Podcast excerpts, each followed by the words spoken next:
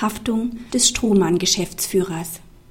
Auch ein Strohmann-Geschäftsführer haftet gemäß 43 Absatz 2 GmbH-Gesetz.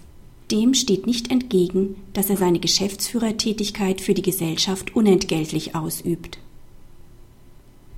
Die Beklagte war Geschäftsführerin der klagenden GmbH. In der Zeit von Mai bis August 2003 hob die Beklagte vom Bankkonto der GmbH über 100.000 Euro ab. Dabei handelte die Beklagte aufgrund entsprechender Weisungen ihres Ehemanns.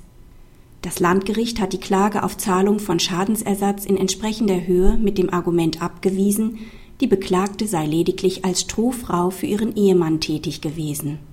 Die dagegen eingelegte Berufung hat Erfolg. Der GmbH steht gegen die Beklagte ein Schadensersatzanspruch aus 43 Absatz 2 GmbH-Gesetz zu. Als formgültig bestellte und ins Handelsregister eingetragene Geschäftsführerin trifft die Beklagte die Sorgfaltspflicht des Paragraphen 43 GmbH-Gesetz. Soweit sie einwendet, sie sei nur formell als Strohfrau, nicht aber tatsächlich Geschäftsführerin der GmbH gewesen, schließt dies eine Haftung nicht aus. Im Hinblick auf Paragraph 6 Absatz 1 GmbH-Gesetz, wonach eine GmbH mindestens einen Geschäftsführer haben muss, ist die Bestellung eines Strohmann-Geschäftsführers grundsätzlich ernstlich gewollt und daher nicht gemäß 117 BGB unwirksam. Vorliegend wurde die Beklagte zur Geschäftsführerin der GmbH bestellt, weil ihr Ehemann diese Tätigkeit aus Rechtsgründen nicht mehr wahrnehmen konnte. Die GmbH benötigte also, um wirksam vertreten zu sein, einen neuen Geschäftsführer. Mithin wurde die Beklagte nicht nur zum Schein, sondern ernstlich als Geschäftsführerin bestellt. Als solche unterlag sie denselben zivilrechtlichen Pflichten wie jeder andere Geschäftsführer auch. Einer Haftung steht auch nicht entgegen, dass die Beklagte ihre Geschäftsführertätigkeit unentgeltlich ausübte.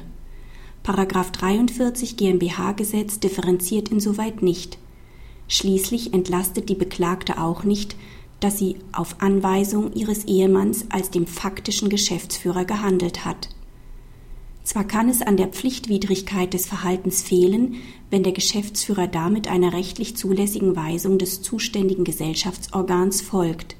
Alleingesellschafterin der GmbH war zur Zeit der Kontoabhebungen allerdings die Schwiegermutter der Beklagten, also nicht der Ehemann, der die Anweisungen erteilte.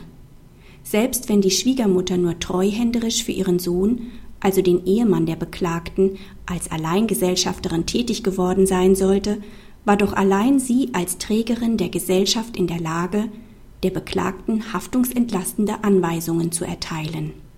Praxishinweis Die Entscheidung des Oberlandesgerichts Frankfurt am Main steht in Einklang mit der höchstrichterlichen Rechtsprechung, wonach der wirksam bestellte, mit der Bestellung einverstandene Geschäftsführer auch dann nach 43 GmbH-Gesetz haftet, wenn er nur die Funktion eines Strohmannes ausübt. Auf die Regelungen des Anstellungsvertrags kommt es ohnehin insoweit nicht an, so dass es sich auch von selbst versteht, dass die Unentgeltlichkeit der Tätigkeit von den Sorgfaltspflichten des Paragraphen 43 GmbH-Gesetz nicht suspendiert. Von der hier in Rede stehenden Haftung des Strohmann-Geschäftsführers, also desjenigen, der lediglich formal die Geschäftsführung innehat, ist die Frage zu unterscheiden, ob auch der faktische Geschäftsführer, also derjenige, der, ohne formal bestellt zu sein, die Geschäfte in Wirklichkeit führt, gemäß 43 GmbH-Gesetz haftet. Der BGH stellt zu Recht darauf ab, ob der faktische Geschäftsführer wie ein gesetzlich bestellter Geschäftsführer nach außen handelt. Die bloße Einflussnahme, etwa in Form von Weisungen gegenüber dem formal bestellten Geschäftsführer, reicht nicht aus, um den Hintermann als faktischen Geschäftsführer haften zu lassen